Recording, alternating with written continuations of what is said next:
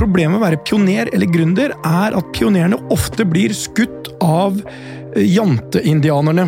Jeg er jo heldigvis blitt oppdratt som gründer i USA, og da glemmer man veldig fort den janteloven.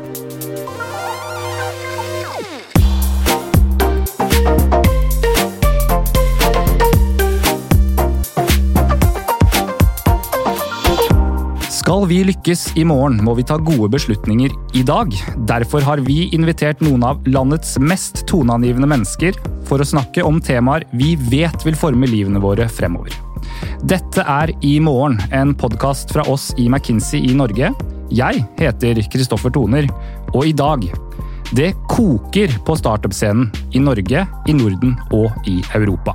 Men selv om Europa står for over en tredel av alle startups i hele verden, kommer mindre enn 15% av de som blir skikkelig store, enhjørningene, herfra.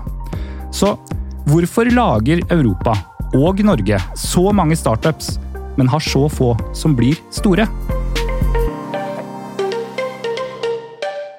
For å svare på det har vi fått besøk av et drømmepanel her i studio. Petter Stordalen, jeg starter med deg. Du er et eh, kjent navn for de fleste som hotelleier, men også eiendomsutvikler, investor, kunstsamler og også en sterk støttespiller for norske entreprenører. Men du, ser du fortsatt på deg selv som eh, gründer?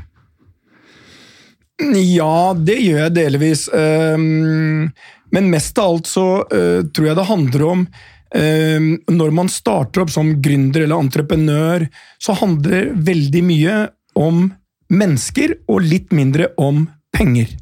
For det er faktisk mennesker som skaper. Det blir fort mye fokus på penger. Og penger var aldri målet når jeg starta. Det var en sånn enorm drivkraft og ønske om å være med å gjøre noe. Så fikk jeg en kickstart i min andre runde. Det var at jeg fikk sparken. Og da fikk jeg mulighet til å begynne med blanke ark og fargestifter. Vi har også med oss Marie Mostad. Du hei, hei. er gründer i InspireMe, og du kom hjem fra USA for å bli gründer i Norge. Er det en beslutning du fortsatt er glad for at du tok? Veldig glad for det. Mm, ja. Det kom hjem i eh, 2016. Fikk en telefon fra min medgründer Mats Lyngstad i eh, høsten 2015, hvor han sa Marie har en eh, idé. Og så synes jeg den ideen var veldig god, og det var noe jeg trengte i jobben min. Eh, så vi begynte egentlig å bygge på den ideen sammen mens vi fortsatt var i hver vår jobb. Og så etter hvert så så vi at uh, dette kan jo faktisk bli noe, men da må vi gå all in. Vi må uh, ikke ha to jobber, vi må ha fullt fokus på dette. Og da plutselig satt jeg hjemme i Norge. Det var ikke planen egentlig. Jeg hadde tenkt til å bli i USA, jeg. Så, men jeg er her nå, nesten seks år senere. Mm, så bra. Og nå sitter du her i studio sammen med Petter Stordalen. Og det er en som To gründere, siden du sier at det er greit at vi bruker den merkelappen også på deg, Petter. Men på litt ulike steder i gründerskapet, kanskje. Og det er det vi skal snakke om i dag. Eh, eh, og før det, så, så hvordan står det egentlig til da på denne start startup-scenen i Norge og i verden ellers. Kollega i McKinsey, Vibeke Krohn, du er ganske ny hos oss egentlig, men du har allerede rukket å involvere deg mye i arbeidet vårt med startups. Hva er det vi ser ute i verden nå? Nei, det er jo veldig hot da, å starte noe selv for tiden. Det er jo fantastisk.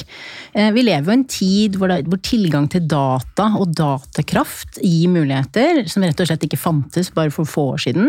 Og vi som forbrukere har jo endret oss ganske mye og forventer mye, mye mer. Så mulighetsrommet er der, eh, men det vi ser er jo at det er veldig mange selskaper som startes, men det er veldig få som blir store.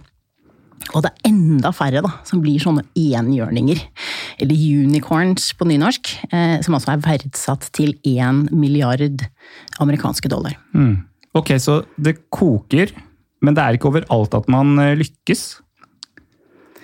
Nei, og det er jo det som jeg syns er litt interessant, da. For det er ganske store regionale forskjeller. Altså Vi ser jo i USA og Asia så har man på en måte egentlig lykkes med å skalere ofte ganske små selskaper til store selskaper. Og mange av de tjenestene, eh, og for så vidt produktene, som, som former hverdagen vår mest, er jo egentlig ganske unge selskaper.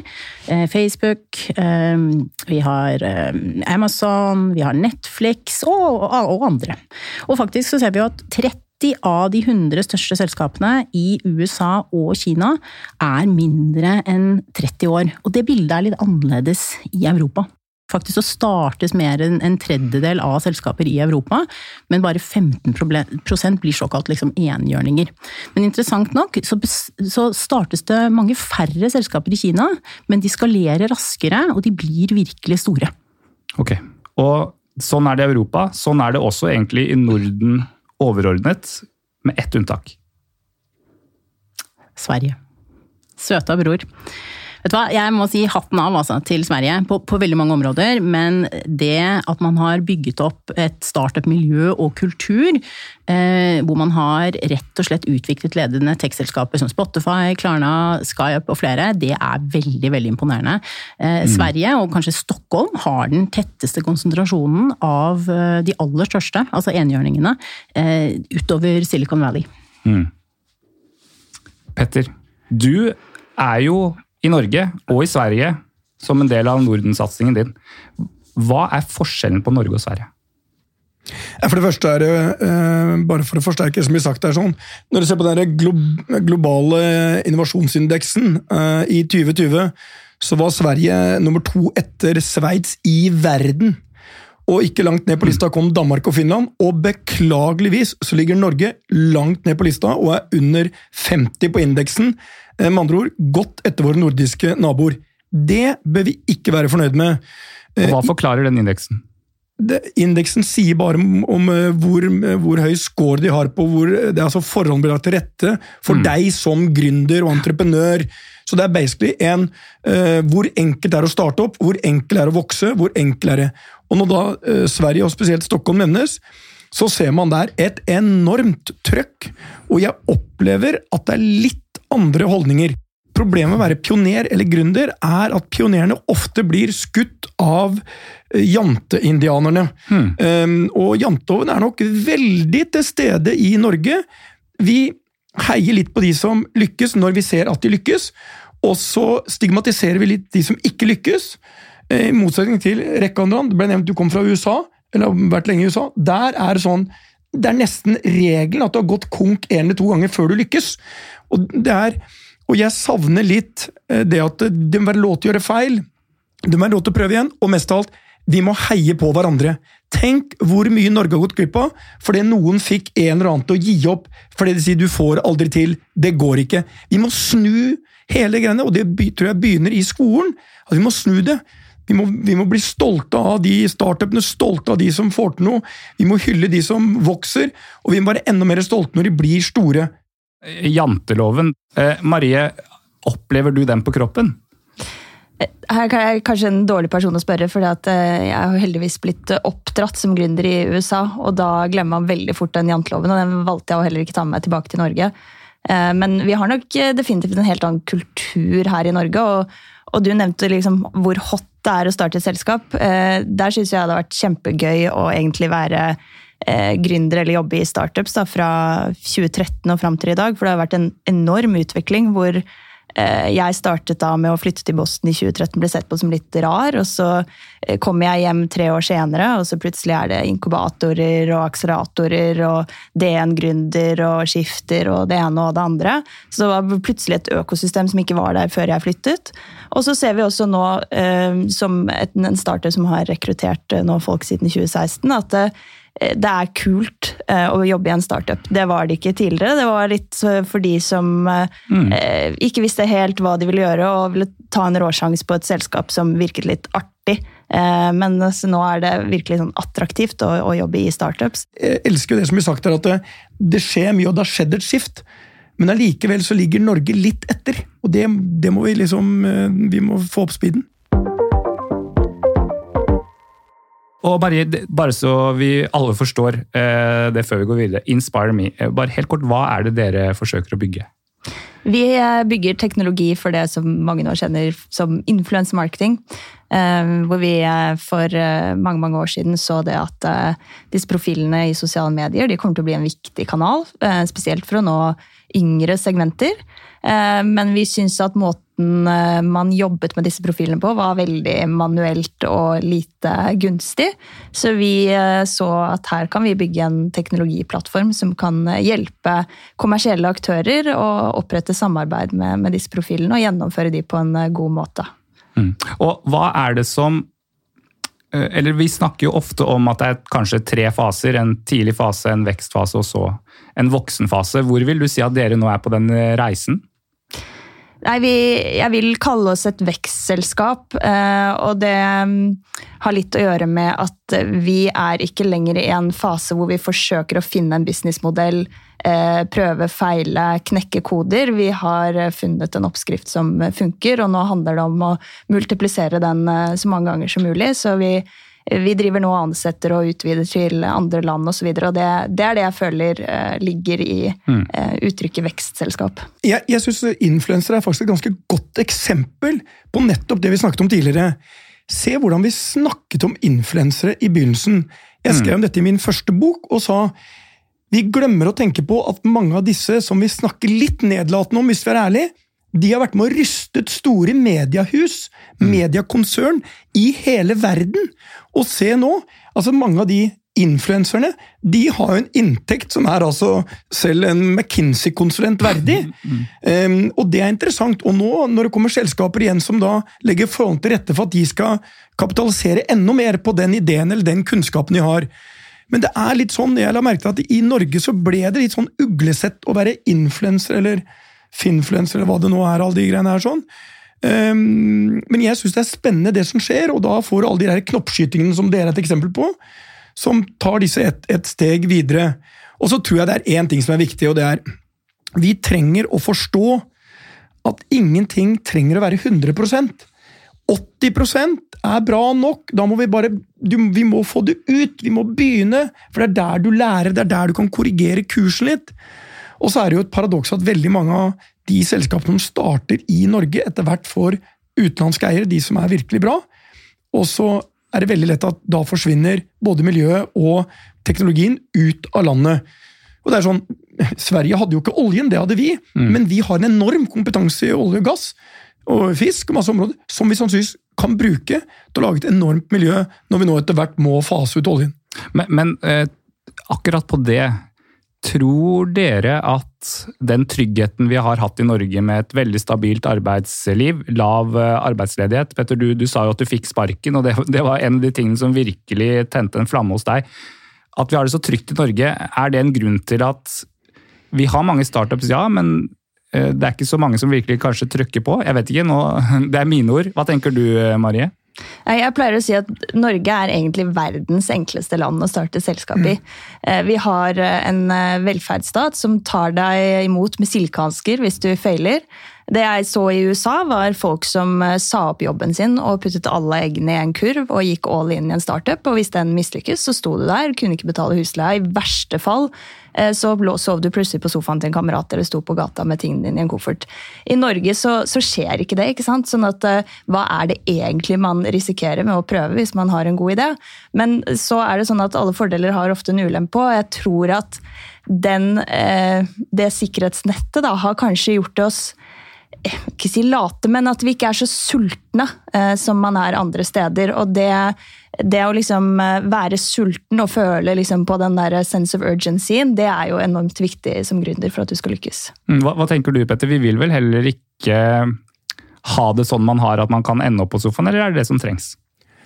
Jeg tror ikke eh, vi verken skal ha det eller eh, bør ha det. Og jeg mener helt oppriktig at vi har verdens beste land i de nordiske landene.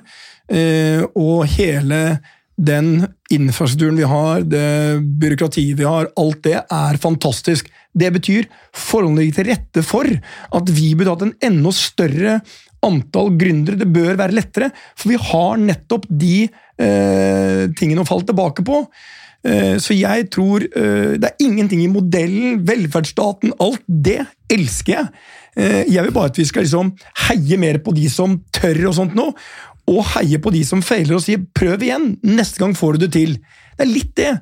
Og så vil jeg at vi skal få et større norsk miljø for å investere. For jeg ser, jeg har jo selv sittet med utenlandske investorer, og det er klart, mange av de selskapene vi har vært inne i, burde hatt mye større grad av norsk eierskap.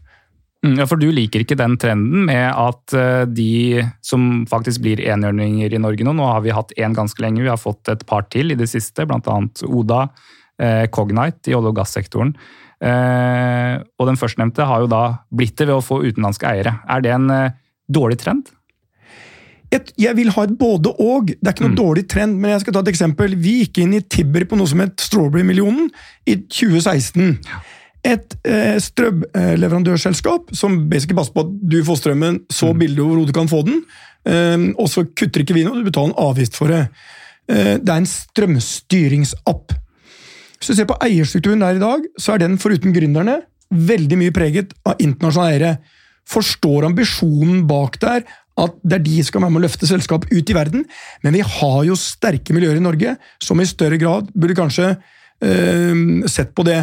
Og olje og gass. Nå gjør vi mye på havvind, vi gjør mye på øh, ny fornybar energi, enormt mye på fisk. Men jeg vil bare at vi skal ha større bredde. Så Derfor syns jeg liksom, det burde jo vært like naturlig for oss å, at Oslo kunne vært et, en litt mindre variant av Stockholm. Uh, altså vi har, vi, har, vi har de samme forutsetningene, om ikke bedre. Men, men forskjellen er kulturen vår. Jeg har ikke svaret. Eh, vet ikke. Det burde McKinsey hatt. Eh, dere som eh, blir betalt millioner av kroner for å finne disse svarene. Så spørsmålet går vel til McKinsey. Vi tar det direkte, Vibeke. For er det en, Vibeke har nå svaret. er, nettopp, er det en oppskrift? Hadde ikke det vært deilig? Bare McKinsey nok bare kunne printet ut og sendt over til Petter. Her, skjønner du. Her Her, er det er sånn vi gjør det. Nei, altså Svaret er jo selvfølgelig dessverre nei. Det finnes nok ingen oppskrift. Men jeg syns Petter er inne om to veldig veldig viktige punkter. Og det, det første er at det koster fryktelig mye penger å bygge selskaper. Ikke bare denne første fasen, hvor det faktisk er tilgang til en god del kapital. Både gjennom Engle og gode, gode ordninger.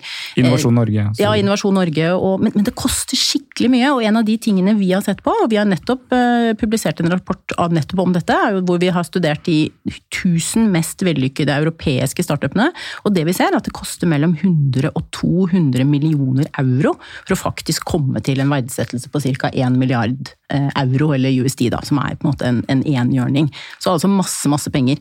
Men, men så er det den andre som jeg synes Petter liksom egentlig er innom, som kanskje er enda viktigere, er jo at det å bygge noe selv det krever et ekstremt fokus, en dedikasjon, en prioritering, ofte en reprioritering. Og det å liksom orke å stå i det når det liksom er oppoverbakke alle veier, det er jo det det handler om. Eh, Og der tror jeg liksom, altså det, det hjelper nesten litt å være litt sånn der vill og gal, altså. Og i hvert fall forbanna sta at dette skal gå. Og det er liksom jeg hørte Otto-gründer eh, Anders Torsheim på et tidspunkt sa at du må liksom, hvis du skal lykkes, så må du tro på den ene som sier at dette er mulig, og ikke de 99 andre som sier at det er ikke mulig, vet du, og dette blir bare dumt. Og ja, ja, ja, det var godt du forsøkte, men var, nå må du finne deg en ordentlig jobb. Og, og det er jo liksom, det er litt kultur, men det er liksom også det der å snu det, da. Og jeg opplever at mye har skjedd de siste årene, og som Maria også har vært inne, å komme hjem til et økosystem, komme i mye større grad hjem til en, i hvert fall en tidlig fase, hvor det finnes eh, hvor det finnes inkubatorer, det finnes akseleratorer, det finnes noen metode, og det finnes slags know-how, men jeg tror vi må bygge litt selvtillit på det. Og det er der jeg syns Sverige har blitt veldig gode. Og hvor mange ganger har du snakket med mennesker som sier Marie, dette har jeg ikke noe tro på? Å, veldig mange.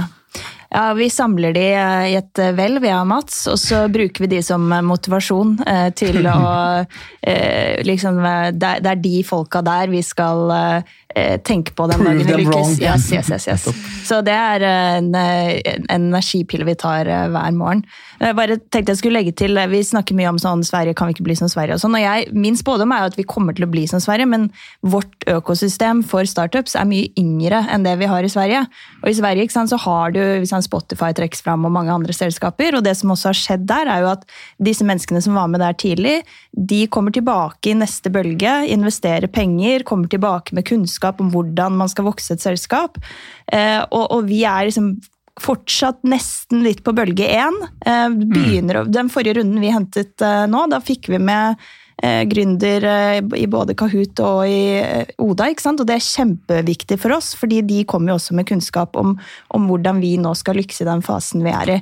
Eh, så, så jeg er ikke så bekymret for at vi må på en måte gjøre veldig mye i dag for å bli som Sverige. Vi må bare la det gå litt mer tid.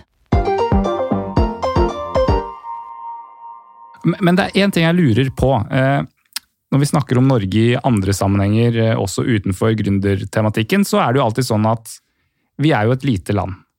Eh, og selv om vi sammenligner oss med Sverige, så er jo de tross alt en del millioner flere mennesker. Eh, har det noe å si, Petter? Er Norge litt for lite for å bli store? Du, du måtte jo bli nordisk, eller måtte spørsmålstegn? Ja, men da, den der innovasjonsindeksen da, som vi snakka om i begynnelsen, her, sånn, viser jo at uh, et av de aller minste landene Sveits er vel ikke stort flere enn oss, de er vel fem millioner mennesker. Mm. Sverige er ti. Men jeg tror liksom Jeg tror enda mer Jeg tror ikke størrelse betyr noe, egentlig. Um, så jeg tror det er mer det vi snakker om her. Legge forholdene til rette, få de rette eh, instrumentene på plass. Eh, og jeg håper jo eh, at Maria har rett, at vi ligger bare litt etter. For jeg har sett at det er, det er en enorm Og du har veldig rett i det du sier, Maria, med at de som lykkes, de sitter jo ikke på de pengene. De reinvesterer pengene. De tar med seg kunnskapen. De putter inn. Der er jo veldig mange av de store svenske selskapene gode eksempler. Og la oss være ærlige, vi sitter i verdens rikeste land. Altså, mm. Vi har vel snart 12 000 milliarder bare i oljefondet. Det er klart, Hvis noen skulle legge forhold til rette for en enorm sånn boost på innovasjonssiden, så ville det vært Norge. Og så har vi en enorm kompetanse i de som uh, var med å utvikle uh, oljeeventyret. Så jeg tror den kompetansen kan vi ha glede av, pengene har vi glede av, for da har vi veldig mye av de viktigste tingene. Så vi har alt som skal til for å lykkes! Vi må bare sette de her legoklossene opp for hverandre riktig. Mm. Og, og eh, da lurer jeg på, Petter, fra din erfaring fra da hotellene var på, på tegnebrettet fram til nå. Hvis du skulle gitt råd til unge gründere i dag, basert på din egen historie, hva ville du trukket fram da?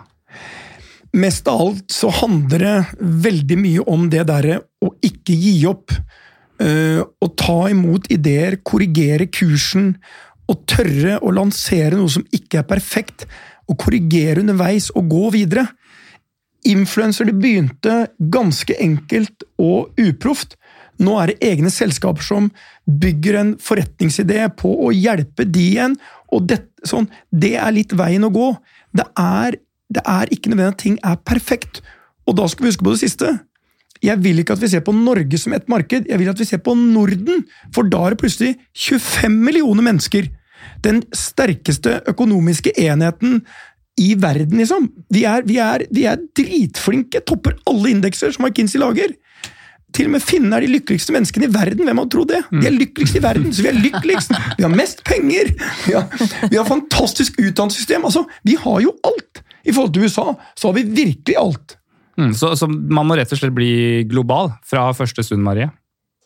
Ja, det, det er, jeg er veldig opptatt av at eh, sant, alle fordeler har en ulempe og omvendt. og, og sant, Du peker på at vi er et lite marked, men fordelen her er jo helt klart at uh, som gründer i Norge så, så, tenker man ikke utelukkende på Norge som marked. Man tenker kanskje på Norden eller Europa eller verden uh, fra dag én, og, og, man bygger for det. I, i USA så Eh, for å sette litt på spissen, så vet de knapt at man bruker en annen valuta i, i Europa enn en dollar. Sånn at eh, de har mye mindre kunnskap om, mm. Eh, om verden og landet rundt.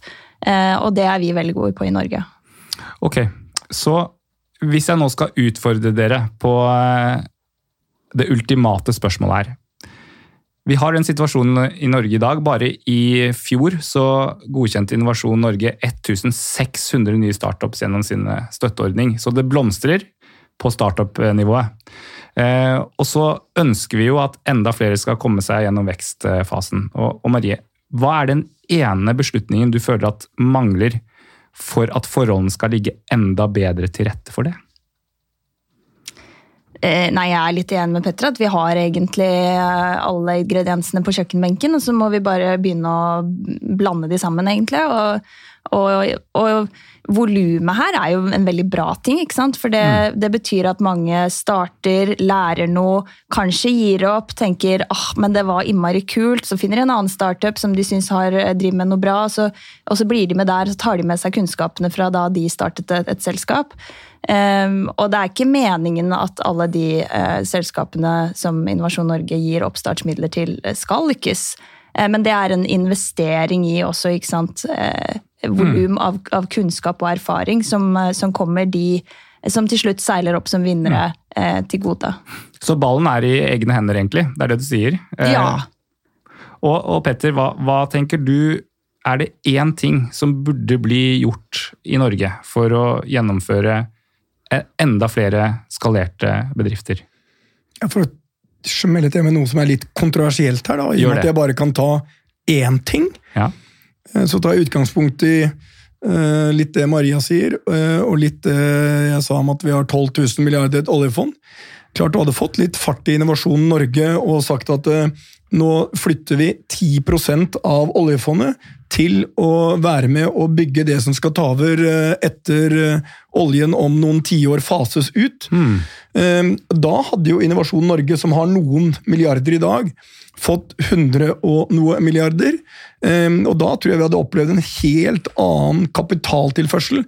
Og så er det sånn, det er mange som feiler, men de som lykkes, de blir plutselig vart milliarder. Og da kan staten da gå ut av det. De skal være med i fase 1 og 2 og 3, og når de ser at her er det andre, så mitt forslag er eh, bruk noe av det som nå investeres på alle verdens børser til å investere i Norges fremtid.